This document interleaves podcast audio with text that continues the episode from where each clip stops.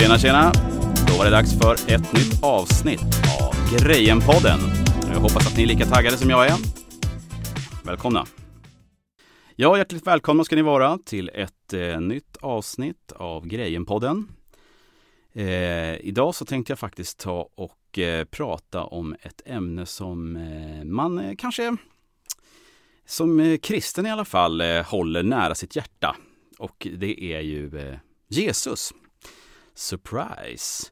Eh, det är ju så att eh, det som är centralt för oss som kallar oss kristna så är det ju faktiskt vår Herre Jesus.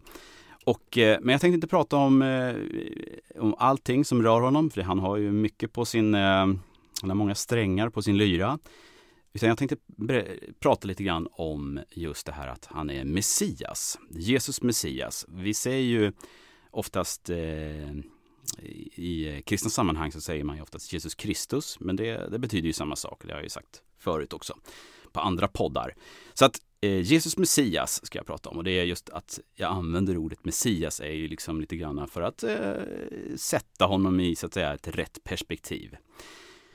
Eh, men först så tänkte jag faktiskt att jag skulle skicka in en så kallad brasklapp för dig som inte har lyssnat på eh, tidigare poddar, nu har jag inte poddat så jättemycket eh, tidigare, men det kan ändå vara bra att göra någon liten, eh, en liten braskis mitt i alltihop.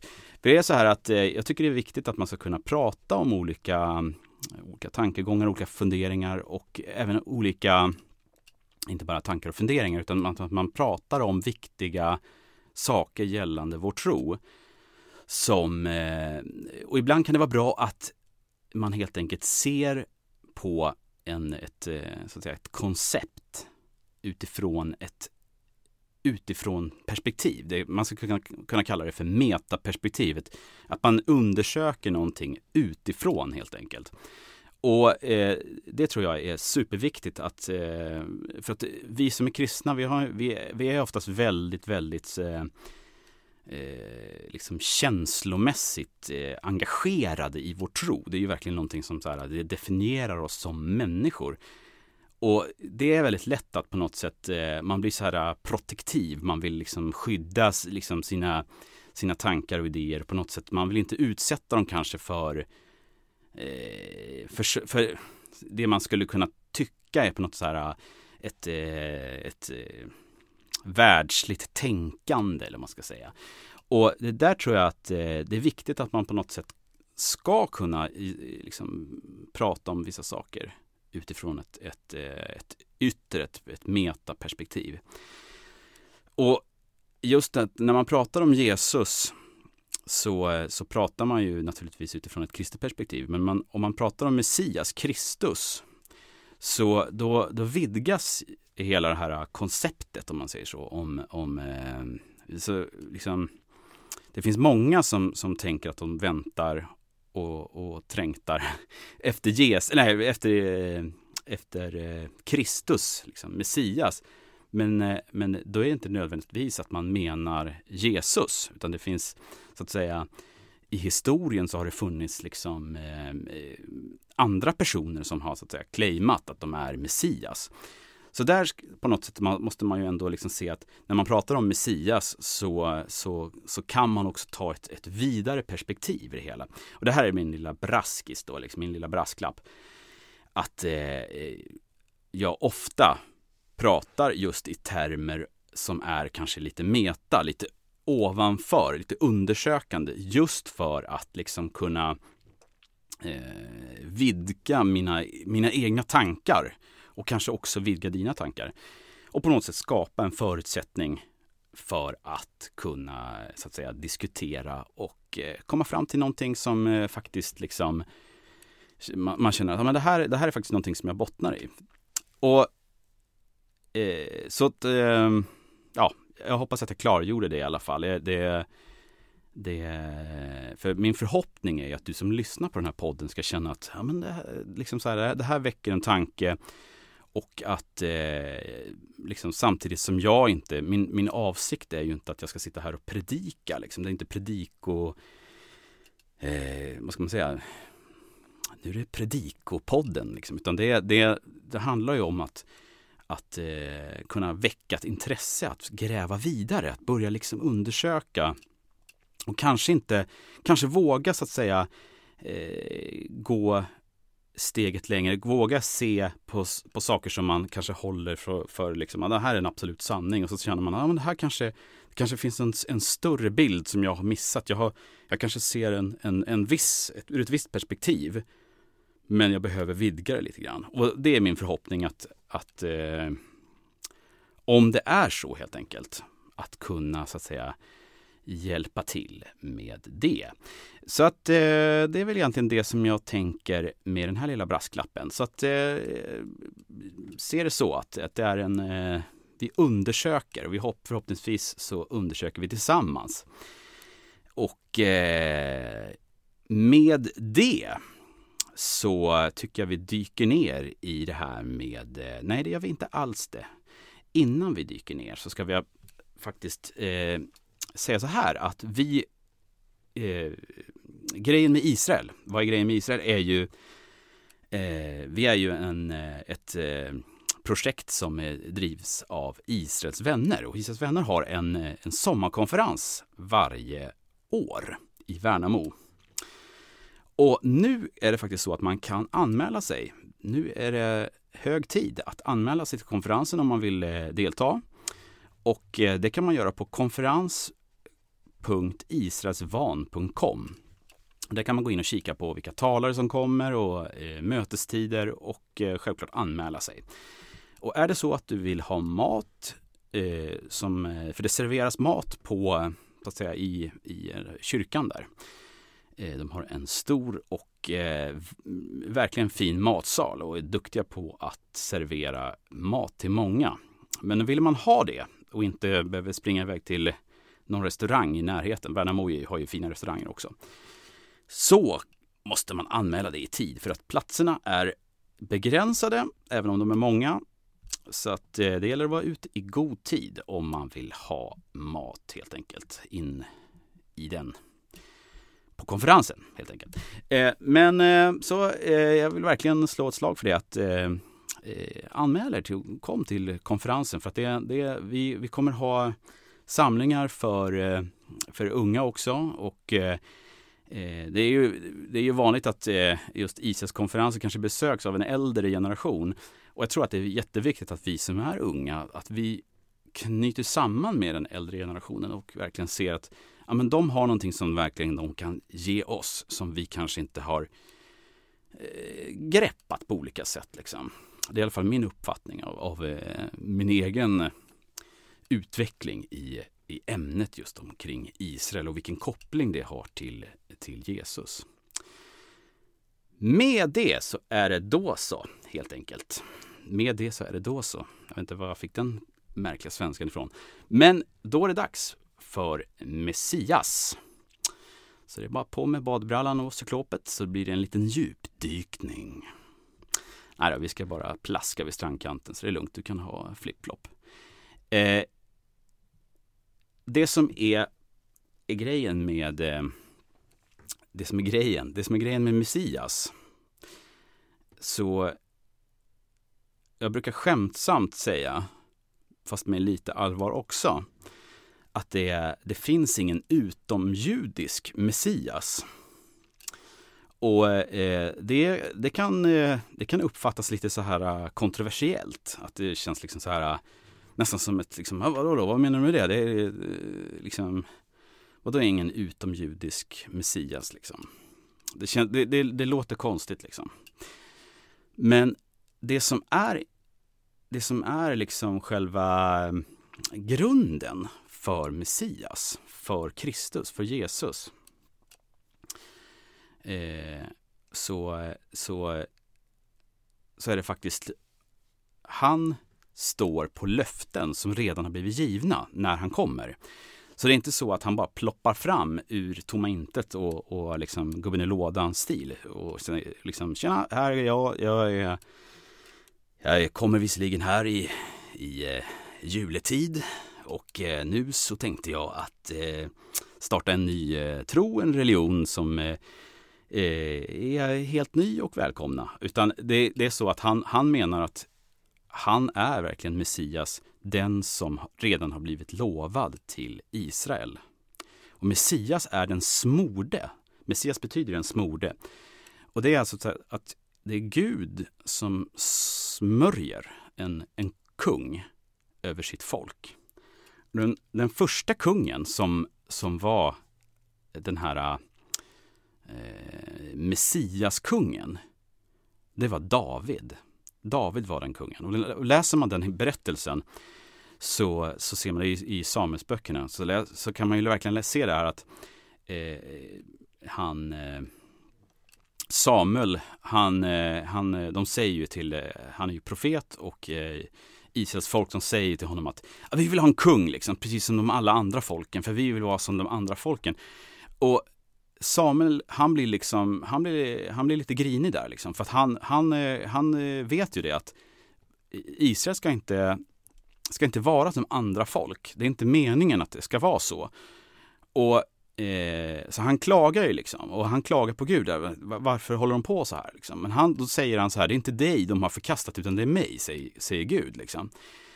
Och, men de ska få en kung och så säger han, eh, eh, ja, kortfattat så blir det ju i alla fall Saul som blir liksom eh, utvald till att börja med. Och det, och det är på något sätt så här, man kan se det här hur Gud på något sätt, han låter människan ta egna beslut och, och också få ta den så att säga smällen av att vi tror att vi tog det bästa beslutet. Så ser man ju här att eh, de väljer ju Saul och han, han liksom han är ju huvudet eh, längre än alla andra. Han är störst, han är bäst, han är vackrast. Han är, han är liksom värsta så här eh, movie star. Han är liksom hur, ja men mänskligt sett så är han liksom, det, han, det här är kungen. Eh, han, han, han är ju född för att vara kung liksom. Det, det är liksom, han, han, är, han är så liksom, på alla sätt liksom, beundransvärd. Och eh, vi vet ju alla vad som, som händer med honom. Han, han, eh, han håller inte måttet och han gör inte som Gud vill. Och det, det som händer då det är att liksom, från att den, den, så att säga, den jordiska kungen som inte håller måttet så väljer Gud ut en, en person som inte liksom säga, mänskligt sett är Ja, han, han, är, vad ska man säga, David är ju inte, när han väljs ut så är han ju inte den, han är ju bara en liten grabb liksom, han är en tonåring. Och han han har liksom ingen... Eh, han, han ska inte välja så att säga rent mänskligt till någonting. För han är inte nog med att han är, han är bara en liten grabb. Han är också så här den siste i ledet av många bröder. Så när, när, när han, eh, hans farsa ställer ut eh, sina grabbar, för här kommer Samuel. Och, och Samuel tittar på den äldste och bara, tjena, han, han måste det ju vara liksom. Han är ju stor och stark liksom. Nej, men säger Gud, det är inte han. Och så, så, håller, det, och så håller det på sådär. Det är inte han, det är inte han. Och det är flera, jag minns inte exakt hur många det är, men det är ju ett antal bröder i alla fall. Han går igenom allihopa och Gud säger nej, nej, det är inte, det är inte han. Liksom. Jaha, vad är grejen liksom? Ja, har du någon fler, säger han, eh, Samuel då till, till, eh, till farsan. Och eh, ja, jag, har, jag har David också, han är, han är ute och, och han, han hade inte ens liksom tänkt på honom när han, här kommer Samuel och ska smörja en ny kung. David är inte ens med i, i, liksom, i tankegången. Så att eh, han är verkligen uträknad. Ja, så hämtar han honom i alla fall. Eller Samuel säger, ja, hämta honom. Liksom. Ja, vad händer? Jo, Gud säger, men det, det är han. Det, det, det, är han som ska bli kungen. Och då ser man ju så här, hur, hur Gud väljer den som är han tar den, den minste, den som absolut inte ska liksom mänskligt sett räknas, den tar Gud. Samma sak som med, med, med Jakob. Eh, ni vet Esau och Jakob så är ju liksom Esau är ju liksom stor och stark, han, han kan jaga, han kan göra massa saker. Och, eh, och Jakob eh, sitter hemma med, med liksom mamma och bygger lego. Liksom. Han, han, han, han, han, han ser inte ut som att det här är liksom killen och han, han bedrar ju och liksom på något sätt eh, han, eh, han fubbar ju till sig att eh, liksom Isaks välsignelse, han sätter på sig en sån här eh, eh någon slags hud med, för att eh, liksom emulerat att, att han är Esau, liksom, för att Esau är hårig och, och sådär. Då ska Isak då, som är blind, ska liksom känna att ah, det här är min, det här är ju min favorit Esau. Och så är det Jakob istället. Han är, e, eller han, Isak måste ju ha varit lite knasig. Mm, känner man inte om det är, en, om det är hud, men han kanske var väldigt hårig. Esau. Men hur som helst så, så hela den historien liksom, så är det också ett sånt exempel på hur Gud vänder någonting. Han kan ta vem han vill liksom. För att det inte, det är inte, om, det är inte människan som är i centrum, utan det är Gud som är i centrum. Så vad är då grejen då liksom? Jo, David får ett löfte av Gud. Och det kan man läsa om i Andra Samuelsboken kapitel 7. Och det man kan läsa där, det är helt enkelt så. Jag ska, nu hade jag inte förberett. Eh, låt mig bläddra fram. Andra Samuelsboken 7.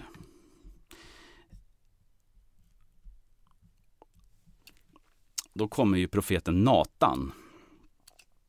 Och eh, David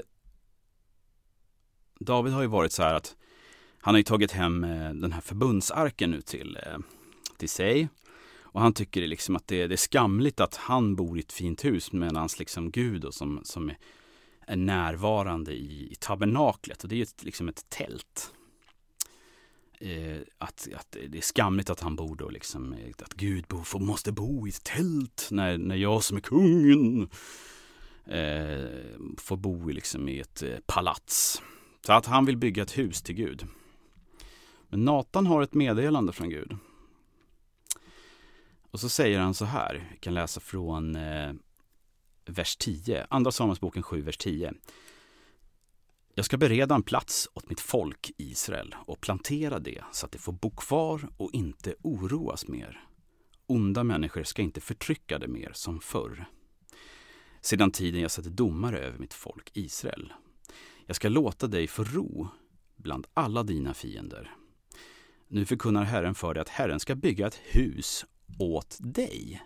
När din tid är slut och du vilar hos dina fäder ska jag efter dig upphöja din avkomling som ska utgå ur ditt liv och jag ska befästa hans kungadöme. Han ska bygga ett hus åt mitt namn och jag ska befästa hans kungatron för evigt. Jag ska vara hans far och han ska vara min son. Göra något orättfärdigt ska jag straffa honom med människors ris och med plågor som drabbar människors barn. Men min nåd ska inte vika från honom så som jag lät den vika från Saul, som jag lät vika för dig. Ditt hus och ditt kungadöme ska bestå inför mig till evig tid. Din tron ska vara befäst för evig tid. Och det här ser man ju då eh, att Gud, han vill verkligen liksom, det, han visar här att det är, du, det är på grund av mig som du är kung. Det är också på grund av mig som du, som din, så att säga, ett, kommer att regera för evigt. Genom dig ska det komma en. Och då, och då säger verkligen Gud så här att, eh, och där kan man också se att hur viktigt det är för Gud att, att det är människor. Alltså, för Gud är det verkligen så här, det är människor som det handlar om. Och att det inte är, eh, det är inte, det är inte någon så här, eh, liksom, eh, man tänker sig andlig, andliga ting, om man säger så. Så tänker man att ja, men det här är, är det andligt? Ja, då syns det inte. Det är ingenting vi kan se. Det andliga är alltid borta. Men för Gud är, sitter det är inte så vattentäta skott mellan liksom det fysiska och det andliga utan för, för Gud är allting andligt. För att han är ande och allting kommer från honom. Så att det som är, liksom, han, är, han, han utgav sin enfödde son för världen. Liksom. Så det, det är någonting annat. Liksom. Och här ser man att eh, det här, hans liksom eh, han ska upphöja Davids avkomling som ska utgå ur ditt liv. Så att säga, en ättling till dig. Det är alltså en, en, en riktig människa, säger Gud här. Det är inte, det är inte liksom eh, en, en fusk människa som, som eh, liksom, jag, jag ploppar fram en, en annan liksom andlig människa som kan liksom bara som ett spöke komma farandes bara liksom. Utan det här, han ska komma från dig. Han ska födas ut från ditt liv liksom. Och han ska bygga ett hus åt mitt namn och jag ska befästa hans kungatron för evigt. Och det finns många som har, som har tolkat det här som att ja, men det här är, det, är liksom, det handlar ju om Samuel, eller förlåt, eh, Salomo. Eh, men, men grejen är så här att eh,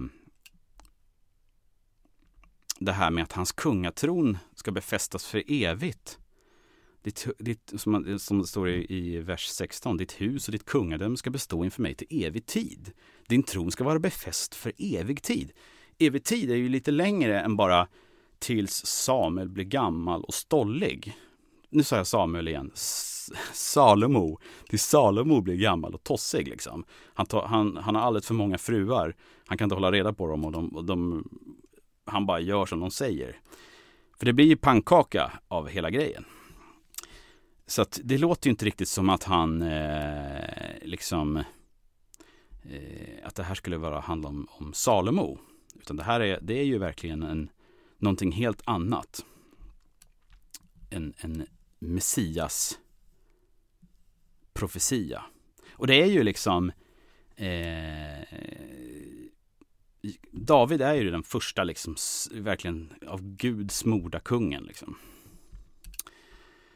Och då då kan man se så, ja men eh, visst, eh, det var ju intressant. Men vad, vad tänker man om det då liksom? Att eh, det här kan man ju, kan man inte hitta det här lite hur som helst liksom?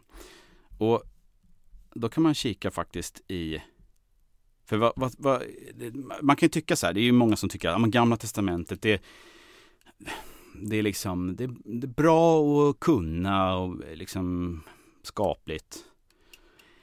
Men det är inte så här äh, superviktigt att hålla på och gräva där. Liksom. Det, är, det är lite så här eh, som att man eh, ja, liksom old news, det hör man ju på namnet, det gamla testamentet. Eh, och inget kan vara egentligen mer fel. Utan det gamla testamentet är, det är den bibel som lärjungarna och Jesus hade. Och det går alldeles utmärkt att, så att säga, förklara vem Jesus är utifrån det gamla testamentet. För det var ju det han gjorde. Det var ju så de kände igen honom. Så att, eh, så att det säger ingen, egentligen inget... Eh, det, det, gamla, alltså man får en, man, det egentligen tycker jag är lite dumma namn där, gamla och nya testamentet. För att man får ju en, en känsla av att ja, det är klart att ett gammalt testamente i förhållande till det nya testamentet, ja men då måste det nya testamentet ha liksom ersatt det gamla testamentet. Det är väl så som testamenten fungerar. Men eh, det är egentligen inte så, utan det är lika, lika levande som eh, som eh, någonting annat i Bibeln. Eh, för det, som, det som jag tycker är så himla intressant, det är just så här att eh, det, det, är den centrala grejen med vem, vem Jesus är. Den vi tror på. Och det som jag vill göra, liksom, själva kopplingen med det här som jag skämtsamt brukar säga då, så här, det finns ingen utomjudisk Messias. Det utomjudiska är att det, det finns ingen det finns ingen Messias person som har så att säga tagit ut det götta ur liksom den hebreiska tron och sen så bara liksom så här skapat någonting helt annat. Utan det är utifrån de löftena som de redan har fått. Och då kan man se så här. Att eh, när Maria i Lukas evangeliet 1 när ängeln kommer till henne så säger han så här i vers 30. Var inte rädd Maria, du har funnit nåd hos Gud. Du ska bli havande och föda en son och du ska ge honom namnet Jesus. Han ska bli stor och kallas den högstes son. Och Herren Gud ska ge honom hans, häng med här nu, fader Davids tron. Han ska vara kung över Jakobs hus för evigt och hans rike ska aldrig ta slut. hmm, vad låter det som? Vad, vad, refererar, vad refererar ängeln till så att säga? Ja, alltså Gud håller ju sina löften. Det är inte så att, att han bara, åh nej, efter eh, kungarna efter David sjabblade. Så att, eh, ja, typiskt. Det, det blev inte som jag hade tänkt. Mm, mummel, mummel. Nej, han håller sina löften ändå. Spelar ingen roll. För han kan, han, jag menar, är det någon som kan koka soppa på en spik så är det Gud. Liksom. Han kan ta vilket litet gruskorn som helst och skapa liksom ett rike utav det. Och det här är ganska intressant just att han säger så här. Han ska, han ska bli stor och kallas den högste son och Herren Gud ska ge honom hans fader Davids tron. Så att han ska vara den högste son, men han ska få sin fader Davids tron. Och det vill säga, fader Davids tron är ju, det är inte en tron som, som är uppe bland molnen. Liksom. Det här, man tänker sig som det här, eh, eh Olympen, eh, eh, som man ser i de här med de här keruberna och sådana här, men som, som 1500-tals liksom, renässanskonst. Alla Michelangelo, liksom, där, då, då är det ju de här keruber som svävar runt i en himmelsk eh, molnvärld. Liksom. Så ser man Gud fader sitter på en tron där. Liksom, i, alltså så här, sånt som man egentligen, sånt som, sådana bilder och sådana arketyper om man säger så.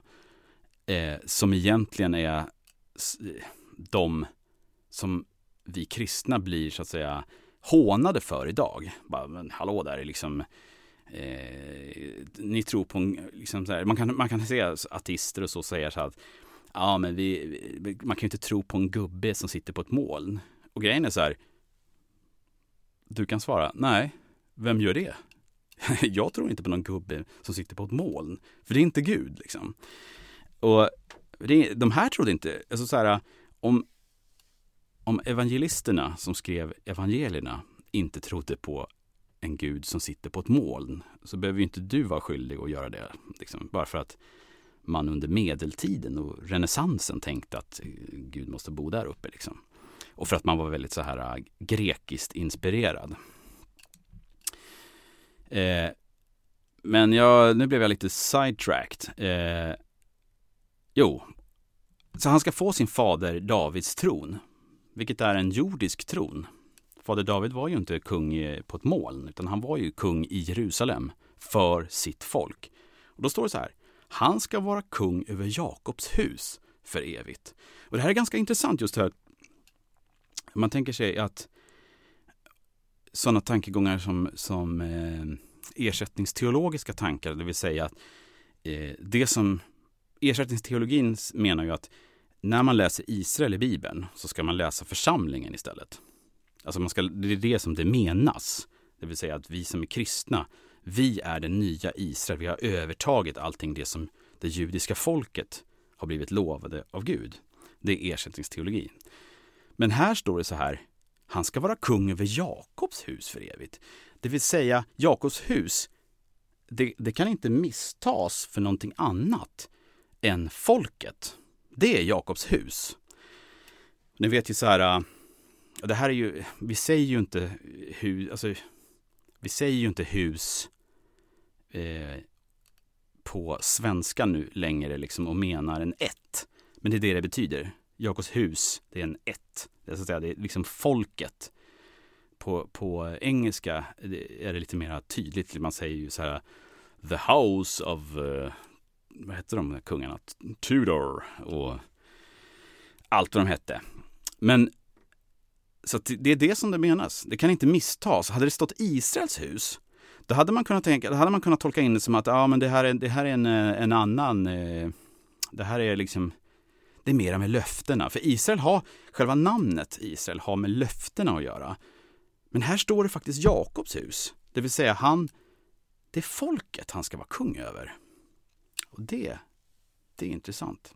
Och det, där sitter liksom så här, eh, mycket av det som som jag tror är viktigt för oss kristna att få tag på, få fatt i idag, så här 2000 år senare. Att, och där vi har pluppat ut på andra sidan av liksom så här statskyrkotänket.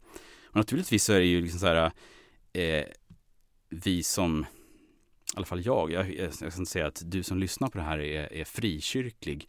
Men kommer man från en frikyrklig eh, bakgrund så måste man ändå se att man har, man har redan där gjort ett, så att säga, ett avståndstagande från det här liksom vi ska bygga himmelriket på jorden nu utan att Gud, utan att Jesus, utan att Messias behöver komma tillbaka.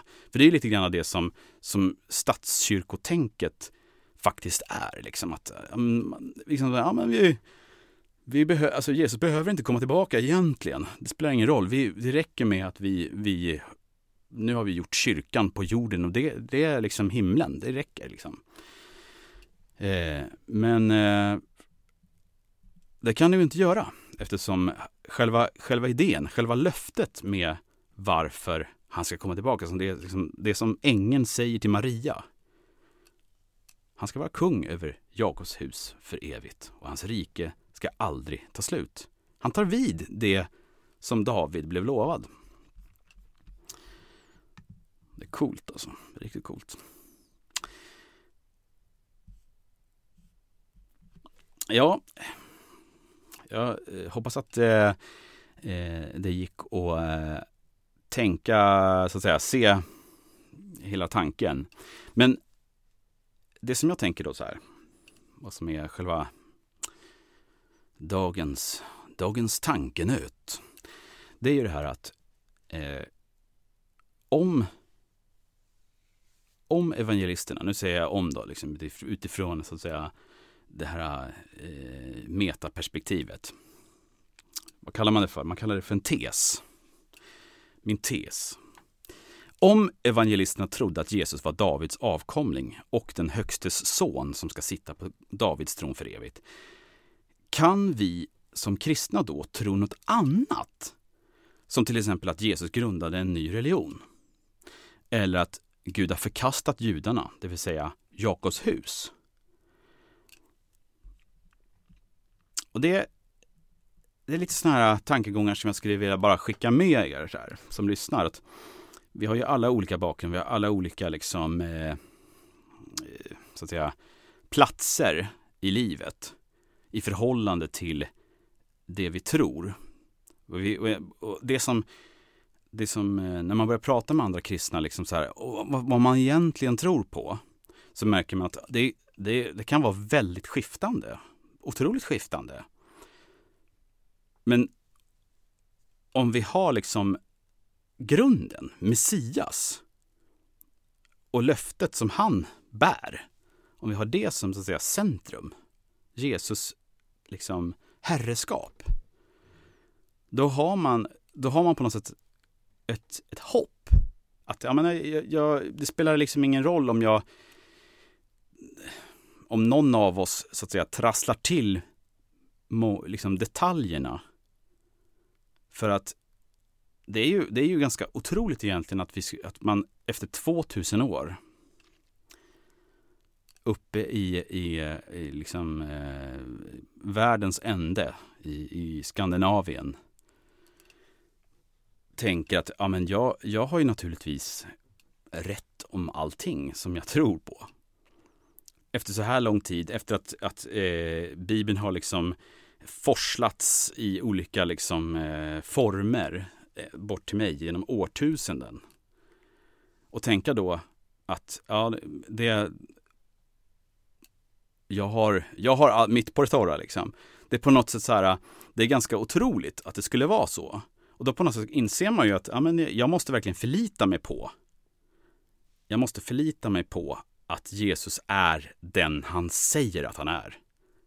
Och vem säger han att han är? Jo, han säger att han är Messias, Kristus.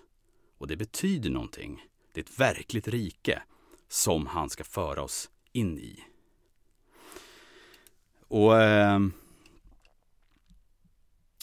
och som jag sa förra gången, jag tycker det är ganska spännande just det här som, eh, jag tror att det var förra gången va? Eh, just att han säger ju faktiskt till, eh, inte, vad säger jag, Paulus säger ju det här i, till Efeserna liksom. Att ni var utan medborgarskapet i Israel. Och det är ju, det är ju löftena som Gud har lagt på Jakobs hus, på folket. Vi var utan de löftena. Och man kan, vi, vi som hedna kristna, vi kan, vi, kan aldrig bli, vi kan aldrig bli en del av Jakobs hus. Men vi kan ha kungen över Israel som vår Herre. Och, och det är det hoppet vi har. Och det är ett, det är ett, det är ett bra hopp. Men det är, det är, det är, det är, det är liksom... Eh, ja, jag sa att jag inte skulle predika, men det är lätt att man börjar liksom och bli lite predikosugen. Eh, men det var i alla fall dagens lilla tankenöt och jag hoppas att det är gett något. Och eh, jag... Eh, du får jättegärna eh, skriva och kommentera. Vi finns ju på Facebook. Det är väl egentligen där som, som är smidigast att eh, skriva till oss. Eh, och ni får jättegärna gilla oss så att ni, ni, eh, ni får eh, uppdateringar när vi lägger upp nya grejer. Och eh, sen finns vi även på, en, eh, på vår blogg grejen.israelsvan.com och eh, sen så har vi även ett Instagramkonto som heter Israelgrejen. Så eh, med det så hoppas jag att du får ha en eh, fortsatt trevlig dag. Om du har haft en trevlig dag eh, så hoppas jag att den får fortsätta så. Eh, och eh, i annat fall så hoppas jag att eh, den blir bättre om den inte har varit bra. Så ni får ha det gott så hörs vi.